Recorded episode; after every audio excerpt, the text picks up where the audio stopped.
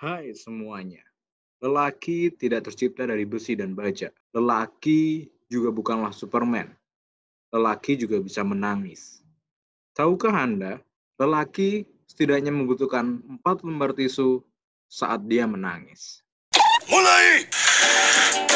Halo, nona-nona. Saat air mataku mengalir, aku tak bisa menggunakan tisu. Aku butuh empat lembar, empat lembar, empat lembar saat aku menangis. Hah.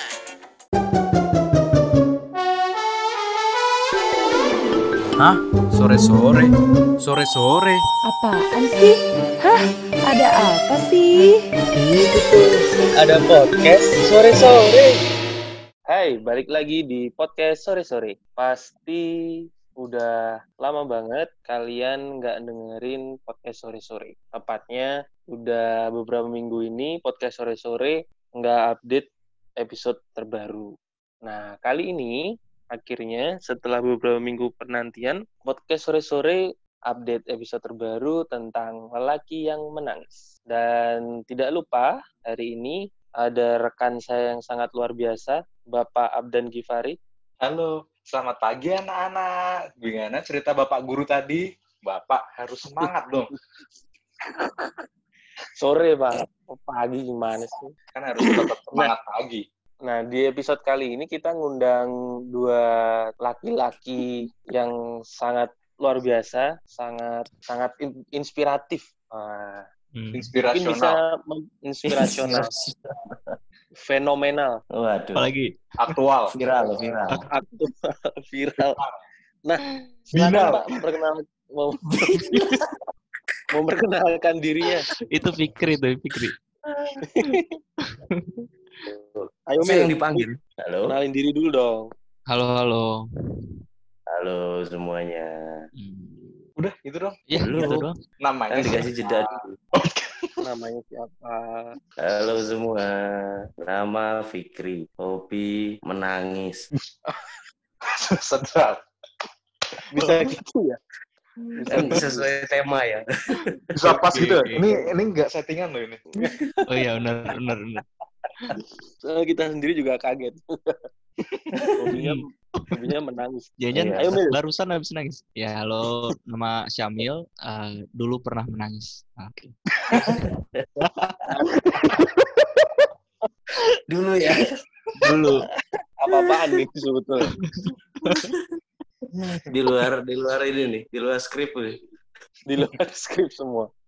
Oke, nah jadi ini kan Hmm. eh jadi kenalin, jadi ini ada Syamil dan Halo, halo. ini juga ada Fikri. Halo. Jadi mereka mereka berdua ini yang bakal jadi temen ngobrol kita di podcast sore-sore episode Iya. kali ini. Nah, eh, kan karena judulnya ini kan lelaki yang menangis. Nah, mungkin intermezzo awal dulu ya. Oke. Eh, kita semua kan pasti tahu kan kalau yang namanya laki-laki itu pasti digambarkan sebagai sosok yang mandiri, terus Hmm. yang kuat, BNI, Ah, BNI, TNI.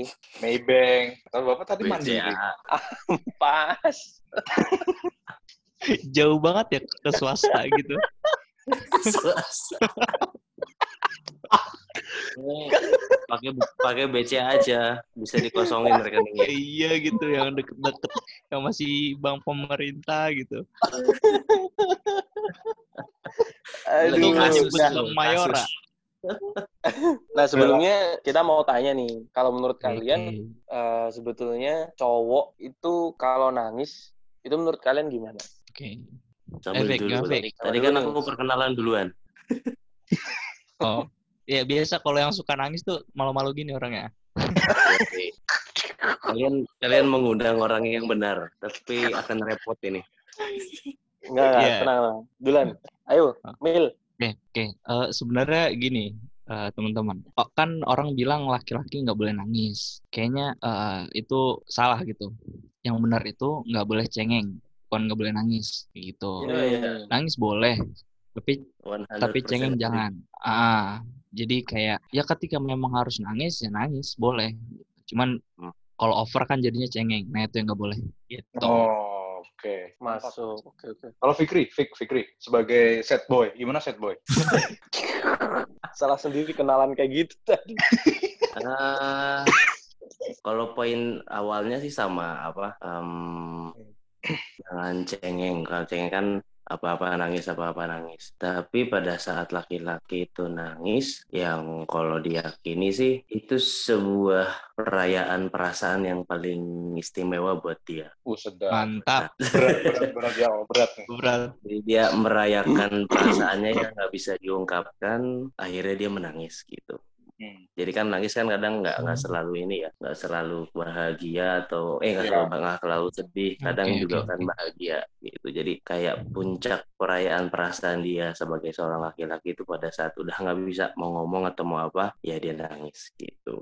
Jadi sebenarnya it's okay karena kita sebagai manusia harus merayakan perasaannya masing-masing. Ya gitu. Mantap. Setuju sih. Jadi pada intinya bahwa nangis itu kan normal ya buat siapa pun ya buat Iya, semua normal. manusia Iya. apalagi lelaki lelaki kan kita kan bukan Superman ya kita juga Bukan, boleh bukan. Iya. dong. bila kekasih hatiku pergi meninggalkanku kan Betul Bapak sekali. jangan, jangan jangan nyanyi, Pak.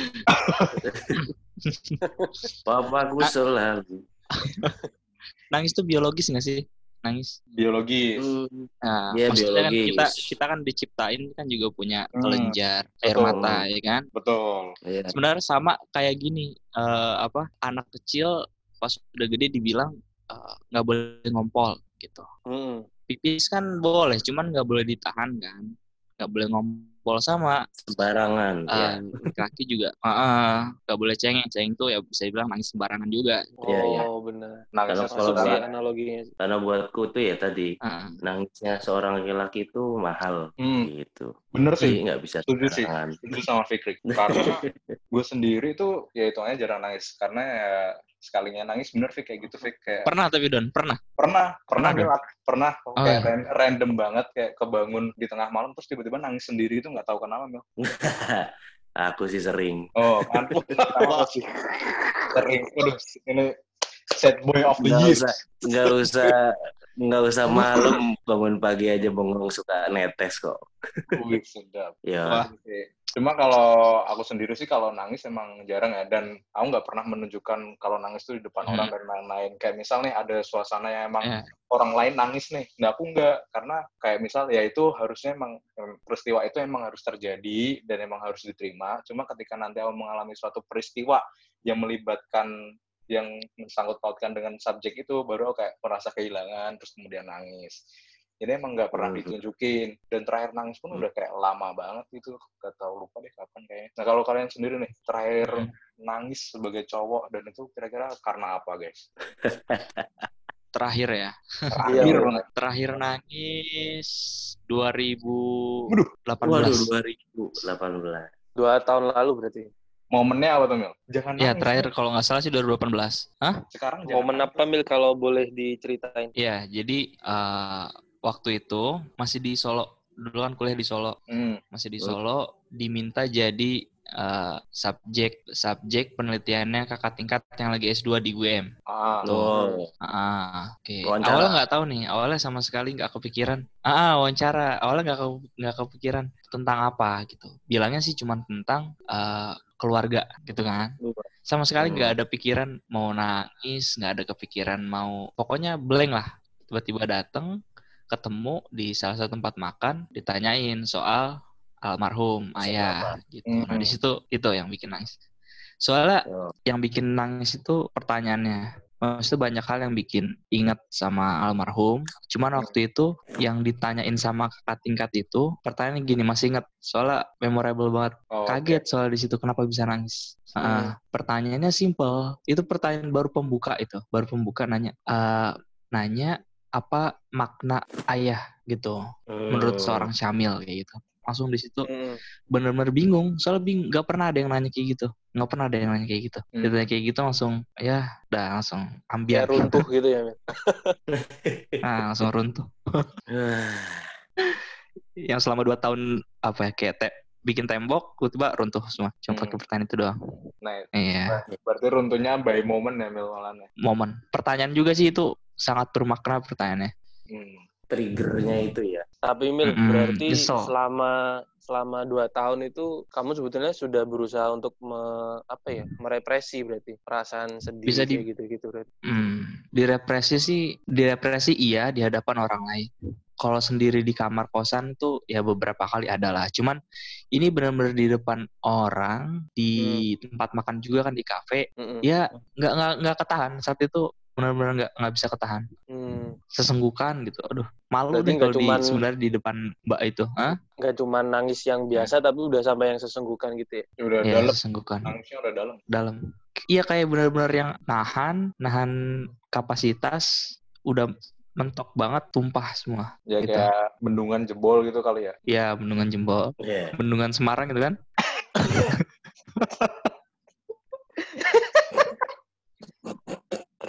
Tapi Mil, tapi Mil, eh, Oh iya gimana?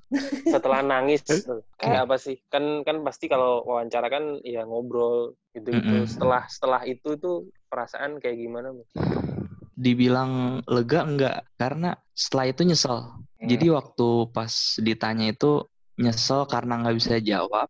Tapi setelah momen itu nyesel kenapa di situ nangis gitu. Jadi nggak ada lega-leganya. gitu Hmm. apalagi apalagi yang heran anehnya juga nggak begitu deket sama kakak tingkat itu selama di kampus pun S1 nggak pernah ngobrol ketemu cuman ketemu aja tahu oh ini eh, mbak itu Hmm. cuman Mm-mm. dari orang yang nggak kenal melalui satu pertanyaan simple nggak bisa nah Mbaknya kaget juga dong ya. Bisa jadi malah skripsinya tentang Atau dia- lelaki menangis. Atau, Bisa sudah meng, di cover dengan mengestimasikan itu. seperti coy.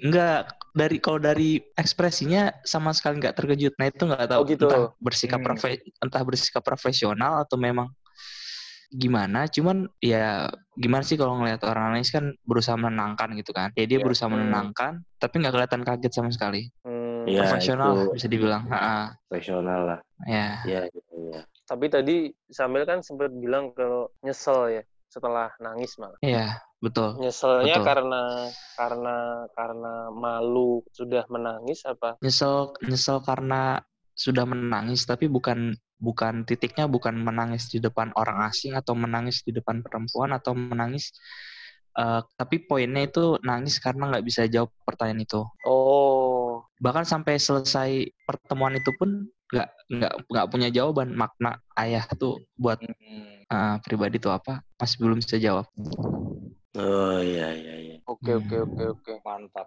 Makasih Mil. Fik, kalau kamu gimana Fik? Iya. Wah, aku juga nggak tahu ini ya, kok bisa pas gitu. Beberapa jam sebelum kalian mengajak sepertinya. Iya. Ya makanya aku pas Ya. diajak terus bilang, wah kok seperti dikasih tempat terapi. Sudah. Waduh. Berat, berat. berat berat. Gimana? Cuma ya masih kaget aja.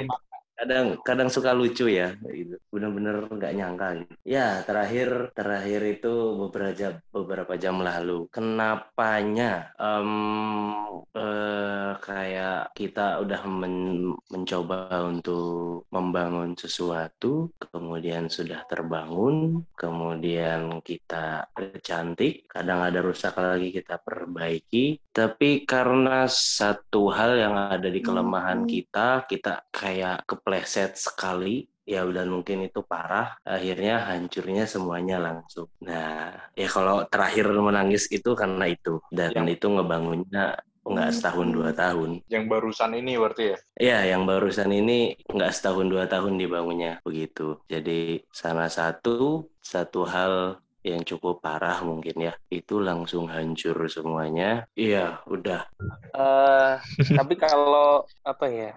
Kalau kita dengarkan cerita sekilas teman-teman ini kan berarti kan ada macam-macam eh, macam-macam tang- macam-macam tangisan. Nah, Ya, Jadi ada tangisan karena kecewa, tangisan karena seneng, tangisan karena sedih, hmm, karena marah kayak gitu kan. hmm, Eh, menarik gitu ketika kita tanya kapan kalian terakhir nangis tuh ternyata ada yang dua tahun lalu, ada yang ternyata baru beberapa jam yang lalu. hmm.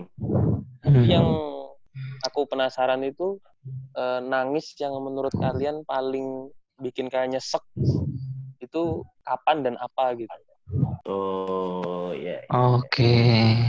Oke. Jadi bukan bukan yang terakhir tapi kapan Yang paling nyesek ya. ketika kalian nang- nangis tuh paling nyesek gitu dan karena apa gitu. Oke, oke, oke. Kalau Oke, Dipo sendiri oke. kapan? Po? Ah, pernah nggak, Saya kan saya kan yang bagian tanya, Pak. Aduh. Oh, nggak bisa dong. Oh. Semuanya kita di sini teman ngobrol, Po. Iya. Tadi Mas Gendon kan udah. Oh, Gundan udah? Kan udah bilang tadi dia. Oh, kelewatan berarti. Waduh. Oh, waktu sinyal jelek tadi ya, ada telepon tadi paling. Jangan ngeles, Dipo jangan ngeles. Oh ya, Dipo gimana, Dipo?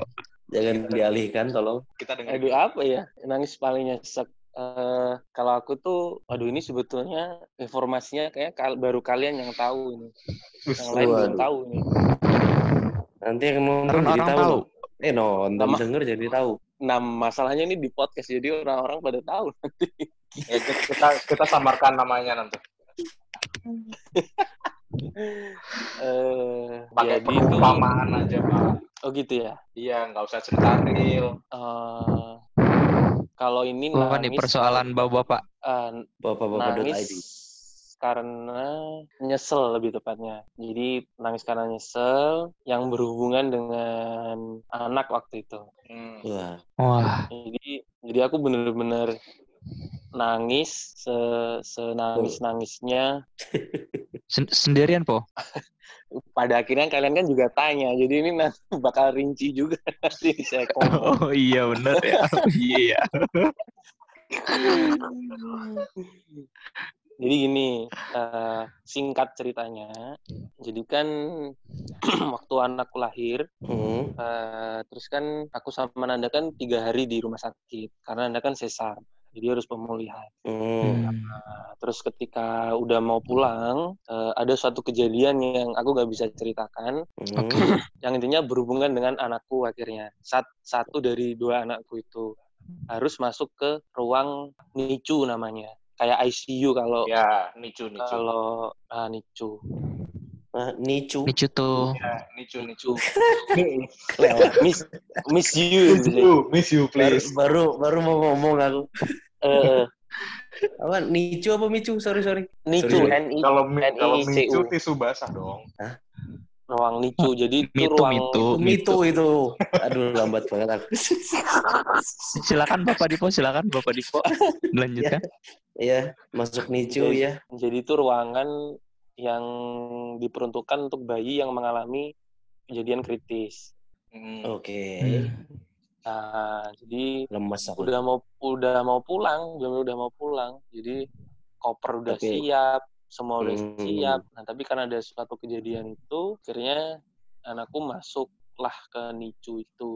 Hmm. Nah, di sana dapat penanganan segera, nggak boleh lihat pertama kan. Ya biasa semuanya bingung. Nah, di situ tuh baru benar-benar kerasa bahwa iya kamu sekarang kepala keluarga di keluarga kecil ini. Oh. Jadi seluruh tanggung jawab tuh ada di kamu, seluruh dokumen yang tanda tangan kamu. Nah, terus akhirnya udah boleh lihat kan di ruang NICU-nya itu kondisi udah stabil. Jadi di depanku itu ada kayak apa ya inkubator Ya. yang buat bayi dimasukin Penghangat tabung ya, penghangat Hmm. bayi. ah penghangat bayi itu eh, terus kan yang eh, bayinya yang kecil yang namanya Alea Hmm. Hmm. jadi si Alea ini ya gitu diinfus terus Oh. ada selang di hidung sama di mulutnya Hmm. Hmm.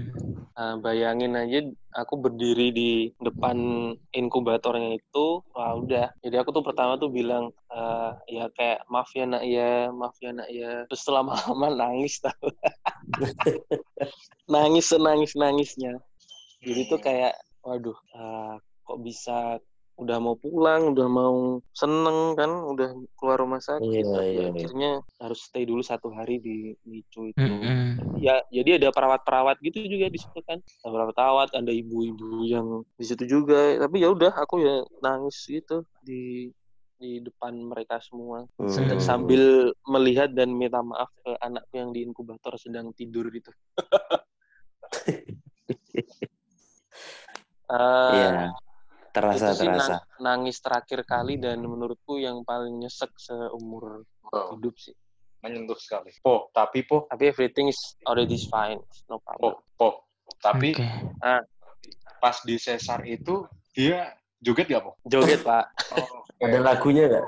Hmm, Yang joget saya, Pak. tereret gitu ya. Gitu. Jadi begitulah. Oke oke. Oke. Terus kalian gimana ceritanya? Ya cukup ya guys, udah. Oh, Saya udah nggak kuat. Karena ngomongin nangis tuh habis cerita tuh harus mengilhami dulu gitu loh. mm-mm. harus butuh mendalami dulu. merenung sejenak gitu ya. Besok lah kita ketemu lagi. Sejenak Iya, benar. kan tiga jam katanya. Ayo, ayo. Oi. Kalau aku dulu berarti aja ya. Boleh, Boleh, boleh. boleh. Tadi apa yang paling ini ya? Apa? Paling nyesel Paling nyesek. Ya, Mungkin yang paling diingat juga kali ya. Berarti kan paling nyesek kadang paling diingat berarti ya. Mm-mm. Eh, dua sih. apa tuh? eh satu yang baru tadi. Wah, oh, Terus satu itu waktu SMA. SMA ceritanya itu SMA kelas 3. Nah, dulu tuh waktu kelas 3 wali kelas itu tiap pagi datang dari jam 7 sampai jam setengah 8 kalau nggak salah. Ya, soalnya kan aku di sekolah aku tuh 6, 645 itu apel. Jadi jam 7 udah pasti masuk kelas. Mm-mm. hmm. Jam 7 itu wali kelas datang itu selalu ada kegiatan apa pun itulah wali yang wali kelas mau lakukan untuk bikin kita enjoy di kelas atau ya bikin relax lah nggak jadi nggak langsung datengin guru mata pelajaran dan langsung belajar saat itu tuh guruku tuh nyetel video Oke. mungkin ada yang pernah sering lihat juga video pelari kalau nggak salah Oh, keren siksa kubur. nggak kalau itu saya ketawa kayaknya Ampas. ya yang ada yang ada ulernya sekali. datang gitu. Ben dong siksa kubur. Siksa kubur tuh. Berarti ini kayak Mas Syamil waktu SMA sering digituin ya sama gurunya ya. SMP, SMP, SMP. Oh SMP. Lanjut. Soalnya Lanjut, langsung Mik. ngomong siksa kubur. Iya ya. Jadi video ada pelari, dia lagi lomba. Kemudian tadinya paling depan kalau nggak salah itu. Kemudian kakinya itu ya biasa lah Oh. mungkin apa? Yang kena hamstring itu Bahasannya ya. Ya pokoknya kakinya jadi kaku gitu loh. Oh iya. Kerang-kerang. Eh itu Ah, yang terus yang, Hmm. itu yang negro itu kan. Dia tapi ya negro ha, Ah, negro iya. negro ya. Dia tetap Oh, lari. Nah, terus akhirnya ada yang turun, ayahnya itu. Ya, ayahnya. Ayahnya turun terus bantuin dia bahkan sampai dia selesai yang dirangkul itu ya? Hmm. Iya dirangkul terus selesai si anaknya Hmm. jatuh dia tetap tepuk tangan. Jadi pas yang lain itu yang lain biasa aja sih kayaknya. Jadi tiba-tiba ya mungkin kayak Samil, kayak Dipo jadi tiba-tiba aku nunduk terus ya nangis. Jadi hari itu yang niatnya buat ngebangun mood malah hancur Hmm. gitu. Itu tuh jadi ya eh hampir sama sih jadi satu trigger itu jadi langsung nge-flashback gitu. yang mana aku sebagai anak itu butuh sebuah butuh dukungan maksudnya yang persisnya ya dukungan dari seorang laki-laki yang me- menjadi kepala keluargaku di situ yang sampai detik itu bahkan puk-pukan aja nggak pernah dapat gitu jadi pas lihat video itu kayak gitu langsung ber semuanya jadi jatuh sama kayak Samil lah bangun tembok Hmm. ada satu itu hancur semua langsung gitu dan itu sampai sekarang nggak pernah lupa selalu ingat Jadi lebih ke Ya. support Ya, orang tua itu dengernya ya. udah nyesek sih. Iya, support support orang tua. Ya jadi kayak ak- itu soalnya posisinya itu menggambarkan banget kayak yang aku inginkan ya. Jadi kayak Hmm. aku Hmm. salah, aku nggak bisa apa-apa, tapi tetap di dia Hmm. yang menjadi yang paling akhir untuk mendorong gitu. Karena kayak itu kebalikannya gitu. Jadi pada saat itu kenapa nggak bisa gitu? Apa salahku untuk nggak bisa dapat itu? Jadi ber aja hancur gitu. Dan, dan oke, oke. pada saat itu ya anak-anak tanya Ku pikir mereka tidak akan paham karena kalau ada ya karena kita kan asrama ya jadi tahu cerita tentang ayah masing-masing tentang ibu masing-masing. Hmm. saat itu di kelasku termasuk yang menurutku sangat beruntung gitu. Jadi mereka nggak akan paham itu jadi aku pun nggak cerita. Hmm. dan Hmm. di- selesai selesai ditenangkan udah akhirnya kita kelas mulai. Gitu. Itu yang satu yang kedua yang tadi lah yang baru terjadi seperti itu jadi rasanya tuh kayak tahu sih yang ngebangun kartu itu kan Hmm.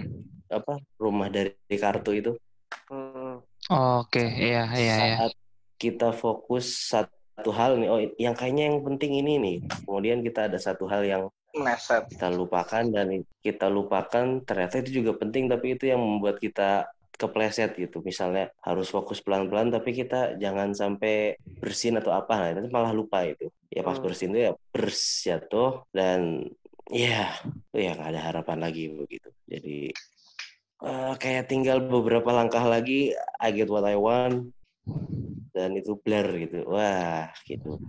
Kayak udah mau masuk pintu tol tapi bannya betus gitu. Jadi nggak bisa masuk jadi nih gitu. Nggak Hmm. tahu sih masih berharap bisa diperbaiki tapi I don't know Bisa Fik, Gitu. bisa. semoga aja semoga aja ada keajaiban Insya Allah ada jalan. Amin Amin. amin amin. gitu Oke. kalau Mas Oke. Syamil gimana Mas Syamil Ya, kalau aku sih sebenarnya pada dasarnya aku nangis itu karena penyesalan gitu. Jadi benar-benar nyesel banget sampai ya nggak bisa mikir apa-apa lagi sampai harus air mata turun gitu. Yang waktu itu termasuk eh pokoknya semuanya seputar almarhum sih. Almarhum Hmm. ayah waktu itu jelas jelas pas di hari H di hari H kepergian itu Hmm. di rumah. Heeh. Jadi waktu itu tuh, eh, jadi sebelumnya tuh aku habis dari rumah sakit, ya kan, nganter ibu, terus aku pulang duluan. Pulang duluan karena jaraknya jauh, capek, tidur. Men- men- menjelang maghrib, eh, ditelepon tuh, ditelepon, aku nggak ada telepon masuk WhatsApp, tapi nggak keangkat. Aku mikirnya, oh mungkin disuruh balik lagi kali ke rumah sakit. Aku mikirnya kayak yang, ah ntar, ntar dulu deh gitu. Eh, mau tidur dulu paling habis maghrib baru ke sana lagi. Nggak taunya maghrib eh, teman orang tua datang ke rumah, buka pintu, langsung meluk.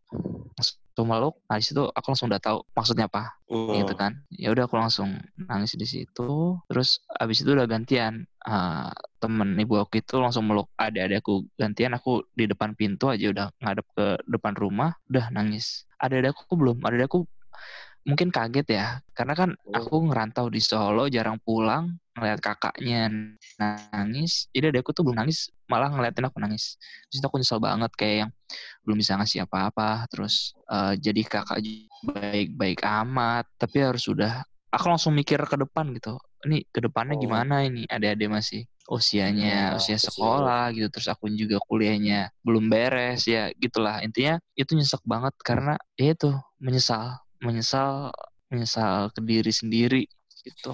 Nggak nyalain siapa pun ya nyalain diri sendiri. Itu itu di 2016 berarti dua tahun sebelumnya. Iya, iya. Hmm. Hmm, setelah itu paling ya terkait lulus yang agak lama ya itu paling sendiri aja di tapi selalu nyesek sih nggak pernah nangis yang biasa-biasa tuh nggak pernah mungkin bener kata Gendon ya eh kata siapa tadi yang bilang Fikri kalau nangis laki-laki itu mahal ya saking mahalnya tuh pas dikeluarinnya bikin nyesek gitu Iya. Hmm. Habis dompet. ya Kayak gitu. Kalau dikeluarin, keluarin semua. Ah. Ah, habis kering lah. gitu. Mm-mm. itu Don Po Fik Wow. Aku Oke. menyatakan untuk bisa nangis pun nggak malu karena aku beberapa kali ada kegiatan lah gitu. Yang lain nangis Mm-mm. tuh aku ya terdiam aja. Aku tahu ini lagi sedih tapi menurutku nggak perlu nangis. Kayak ada nonton film apa tuh yang Magic in apa ya lupa yang Korea itu. Magic Shell number 7 apa apa gitu yang orang oh tuanya yang penjara ya tuh. penjara Ya. Ah. Pas nonton tuh sekitarku semuanya laki-laki, perempuan nangis. Aku lihat itu, aku tahu sedih, sedih banget, tapi ya udah. Ya itu sedih film dan dan udah gitu. Tapi kalau untuk urusan yang menurutku penting banget dan itu hal yang mahal banget buat aku ya nggak kuat sih akan nggak kuat Oke. gitu. Jadi makanya Nah ya sih kalau kalau nangis nonton film pernah paling ya. Yang lain juga pasti pernah ya. Iya. Kan hmm, Kayaknya lebih worth, eh, bukan lebih worth, apa lebih memorable yang nangis karena diri sendiri kali. ya Hmm. gitu berarti. Ya karena kalau kalau kita nonton film ya karena flow ceritanya yang buat kita nangis. Ya gitu. Bukan karena dibawa ke kehidupan kita. Tapi berarti kalian tuh tipe lelaki yang kalau punya masalah tuh cerita ke orang atau tipe yang oke lah aku akan berusaha menyelesaikan masalahnya sendiri. Hmm, Oke, jadi Oh. seperti itu ya memang ya. Siapa dulu? Mau siapa dulu? Kalau kalau dulu sih kayaknya begitu. Begitu yang mana? apa Pak? Lebih sering pilihan. lebih sering untuk dipendam ya kan mungkin karena selain itu selain karena inginnya diri sendiri karena eh, tipikal aku pribadinya juga yang lebih tertutup gitu ya jadi eh, simpen aja semua sendiri gitu apa Hmm. namanya eh, nggak perlu semua orang semua orang tahu gitu. tapi ya kalau akhir-akhir ini karena merasa punya ada tempat gitu ya terkadang berbagi tapi nggak nggak Nggak sesering itu gitu. Iya, nggak semuanya betul betul betul. Hanya intinya Karena ini. tapi yang dibagi pun perlu membagi ya, Fik ya. betul betul karena Hmm. Eh, karena yang kita bagi pun dia perlu juga gitu dan kadang mungkin udah penuh juga tempatnya jadi kadang-kadang ya lebih memilih Iya. untuk cuma cuma mungkin kalau ada masalah cuma declare aja kayak lagi ada gini nih udah nanti sisanya dikip sendiri kayak gitu Hmm. Ya sama sih, Fik. Aku juga kayak gitu. Karena kalau aku sih, Fik, orangnya picky ya. Kalau milih orang yang buat diceritain tentang kehidupan. Karena nah ya ya ya ya kalau aku sendiri sih pengennya, aku bukan tipe orang yang bercerita untuk cuma didengar. Aku cuma, aku butuh orang yang aku bercerita itu untuk berdiskusi. Nah, cuma kan dari balik lagi tuh, kan tidak semua orang bisa kayak gitu Oh. tuh, ya kan? Nggak semua orang bisa kayak gitu. Semua orang pasti juga punya permasalahannya sendiri-sendiri juga. Iya, iya, iya. Hmm, kadang ya yang kita sering curhat ini mungkin juga kadang udah overload juga sehingga ya emang udah nggak bisa ya jadi aku milih kayak bisa dulu buat sendiri gitu betul betul Oke. Mas Syamil gimana Mas Syamil Iya, sama. Jadi aku kalau pengen cerita soal masalah tuh pengennya cuman ke satu orang yang worth gitu emang yang uh, precious. Jadi ini kalau udah diceritain orang nggak boleh pergi gitu. Ini orang nggak boleh pergi Ya, hmm, betul sekali. tempat ya harus cari tempat. Tapi selama masih belum nemu tempat itu ya di di disimpan sendiri. Disimpan sih, dibilang disimpan sih enggak. Karena aku tipenya yang suka hmm, gampang nangis, bisa gampang punya masalah, tapi gampang gampang gerak untuk nyelesain gitu. Jadi kalau ada keresahan pun cepet hilangnya kalau gitu. Jadi kalau memang ada waktu buat cerita-cerita, tapi kalau enggak ya diselesain, bukan disimpan. Ya, Nggak suka Hmm. nyimpen sih, nggak suka nyimpen. Kadang- Nah, karena hmm, ah nggak suka nyimpen karena eh masalah ada terus ya. Kalau yang ini disimpan akan tambah lagi terus ntar nggak akan selesai-selesaiin. Iya, hmm. iya ntar numpuk. Jadi wah nggak ada nggak ada tempat cerita nih. Ya udahlah selesain aja sendiri gitu. soalnya disimpan terus pundaknya makin berat ya Mel Yoi. Penuh Iya, sama- walaupun masalah selalu ada di tempat pundak yang tepat, tapi kan tetap aja kita ah, Kalau kalau rekening baru ya simpen terus ya. Enak kalau penuh. Enakan dibelikin Gundam. Waduh, belum nambah lagi. Pengen banget tapi tapi dulu tuh bisa beli tanpa beban gitu. Nabung beli tanpa beban. Sekarang tuh ada uang tuh tar tar tar pasti ada masalah nanti. Ya bener selalu terjadi gitu. Jadi selalu disimpan akhirnya. Padahal padahal udah keluar banyak tuh yang berkaitan berubah. dengan bisnis berarti. Hmm, ya dan kebutuhan keluarga juga. Jadi kayak soalnya dulu Hmm. pernah sekali karena masih ya mungkin masih diproses ya. Masih diproses menjadi dewasa kali. Sekali kejadian akhirnya nggak bisa nolong jadinya nyesel banget. Akhirnya setelah itu ada lebih selalu disimpanin dan selalu berpikir ini pasti ada sesuatu nanti gitu. Jadi disimpan terus. Dana darurat berarti. Ya, ya. Gundam. oke Aduh. jadi kalian udah pada cerita-cerita semua nih nah di sini aku mau ngasih fakta-fakta dulu tadi kan kita udah bahas tuh kalau emang ya Hmm. Cowok tuh emang ya katakanlah jarang nangis ya tapi emang benar kalau penelitian itu bilang kalau ya emang lebih banyak cewek yang nangis secara hormonal juga ada pengaruhnya juga kayak sama tadi sempat bahas juga kan Hmm. Cara biologis gitu. Ah. Hmm. Nah, terus ada fun fact juga nih soal cowok menangis kalian tau gak sih di penelitian sebuah desa di dalam Apa nih? ada ada seorang peneliti nih dia bilang Wow. dia menyampaikan melalui nyanyian bahwa kalau seorang laki-laki itu kalau nangis minimal menghabiskan empat lembar tisu Empat apa? Empat lembar tisu. Iya, Dipo pasti tahu juga sih itu. Astagfirullahaladzim. Karena saat aku menangis, aku bukan tisu. Oh, cok. Aku butuh empat lembar, empat lembar saat aku menangis. Aduh. Tenang. Itu ilmuwan, Po. Itu ilmuwan, Po. Di pedalaman desa loh, coy. Cok. Nah, tapi ada juga penelitian tuh yang bilang Ah, ternyata banyak eh, laki-laki yang memilih Mm-mm. kon- konten tertentu untuk menangis sehingga dia tetap dianggap Apa sebagai sosok yang itu tadi maskulin dan lain-lain. Nah, yang paling populer Oh. katanya ketika berhubungan dengan apa namanya sport katanya Hah? Sport? olahraga. Kayak tim kesayangannya kalah gitu-gitu, Po. Jadi semisal Nah. ketika dia jadi dia dia jadi pemain. Hmm. Kaki kaki. Oh. Nah, terus dia timnya kalah, terus Oh. dia nangis, terus Oh. dia jadi firefighter. Ya, Kalau kalau di contoh jurnalnya ya, jadi firefighter, terus dia nggak bisa nyelamatin atau Oh, pemadam gitu. kebakaran. Iya, iya, iya. Ah, terus dia nangis. Nah itu eh, kan tetap dianggap sebagai sosok yang manly gitu. Iya iya iya. Paham nggak sih? Iya kan ya? Paham paham paham. Iya iya. Nah, Paham dong, paham, paham. Dibandingkan- gitu ya. ah, Mhm, seakan-akan tuh tangisnya itu karena suatu hal yang sangat luar biasa. Ya, Ya, loss. Sehingga citranya tetap tidak menjadi sosok lelaki yang cengeng. Mhm. feminis ah, seperti itulah. Iya iya iya. Iya, iya. Sedangkan sedangkan tadi Udah lanjut gitu aja. U- udah, Fik, Oh. udah. Tambahin, Fik, tambahin. enggak tadi dirimu tuh bilang sedangkan gitu. Terus kepotong yang lain itu loh. Masa sih, Fik? Ah, ah. Di Sedangkan audiomu gitu. doang. Lanjutin, Po. Po, lanjutin, Po. Sedangkan apa, coy? Sedangkan Sedangkan apa, Po? Jangan bikin kepo, sumpah, Po. Sedangkan apa, Po? Jawab gak? Jawab gak? Sedangkan wanita, Sedangkan wanita, ayo kita main sambung kata yuk. Sedangkan wanita. Sebentar, sebentar, baru, Saya cek baru lagi. sedangkan terus langsung kepotong deh. saya lagi cek lagi nih jurnalnya nih. Oke pak, siap pak. Oke, sambil Divo ngecek, kita lanjut besok juga ya, guys. oke, oke, oke. Enggak, Mil. Bercanda, Mil. Jangan oke-oke. Nah, ini loh, men would report being more likely to shed tears in a stereotypically masculine than stereotypically feminine setting. Mungkin kayak misal contohnya nangis karena nonton film. Nah, itu kan suatu hal yang dianggap feminim mungkin ya. Ya. Hmm.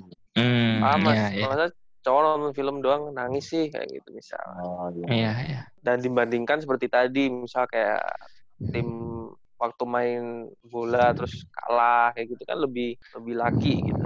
Oh iya iya iya. Nah, sedangkannya di situ. Berarti tuh jatuhnya apa tuh? Jatuhnya apa? Nangis karena menyesal? Apa karena sedih apa? Jadi lebih ke memilih anunya, apa namanya? Momennya, itu- asalnya. Momennya yang dipilih. Jadi lebih ke gengsinya Hmm. mungkin ya jatuhnya ya. Dan yang benar-benar yang uh, relate sama kehidupannya dia. Jadi kayak big loss dalam kehidupannya dia dan kesehariannya dia gitu loh, Mel.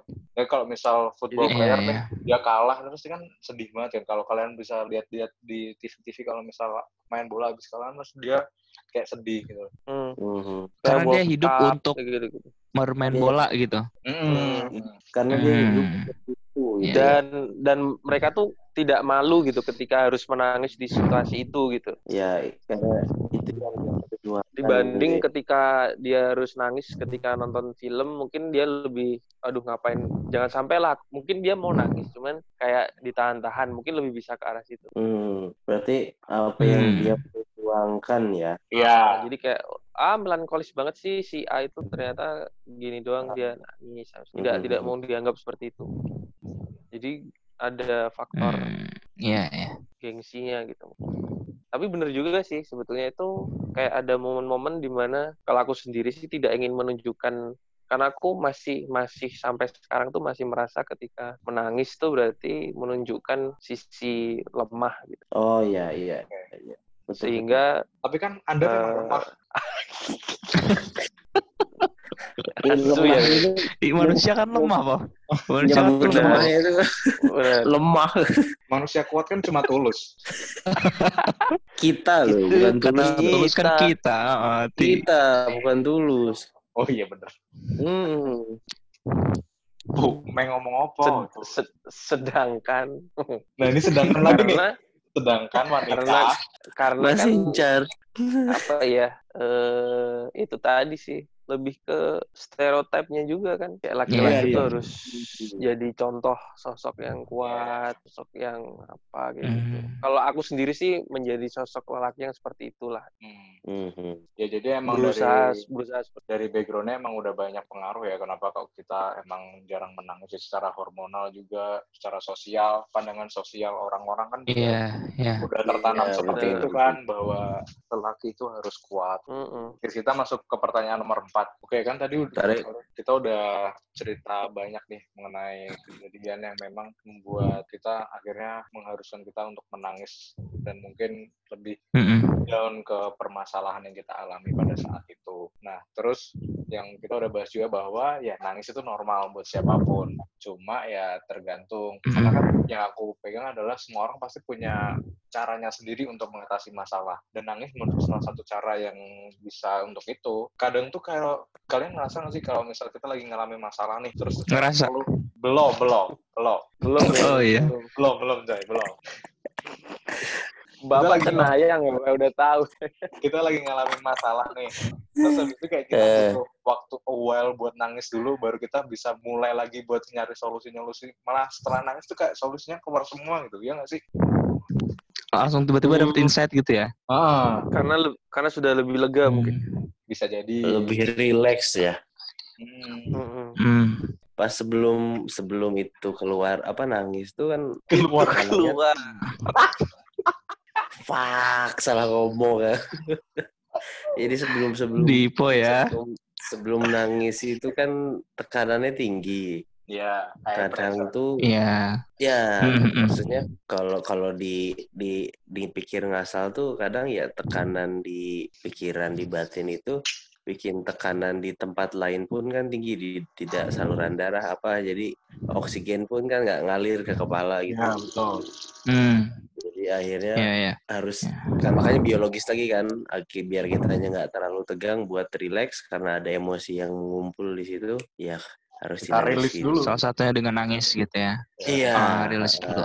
gitu Hmm. makanya lebih enak habis itu kadang sih nggak langsung dapat nggak dapat langsung dapat solusi ya tapi kad eh, berpikirnya aja jadi lebih enak gitu ya kenapa apaan woi kenapa Mil anjir ketawa Gak sendiri apa-apa.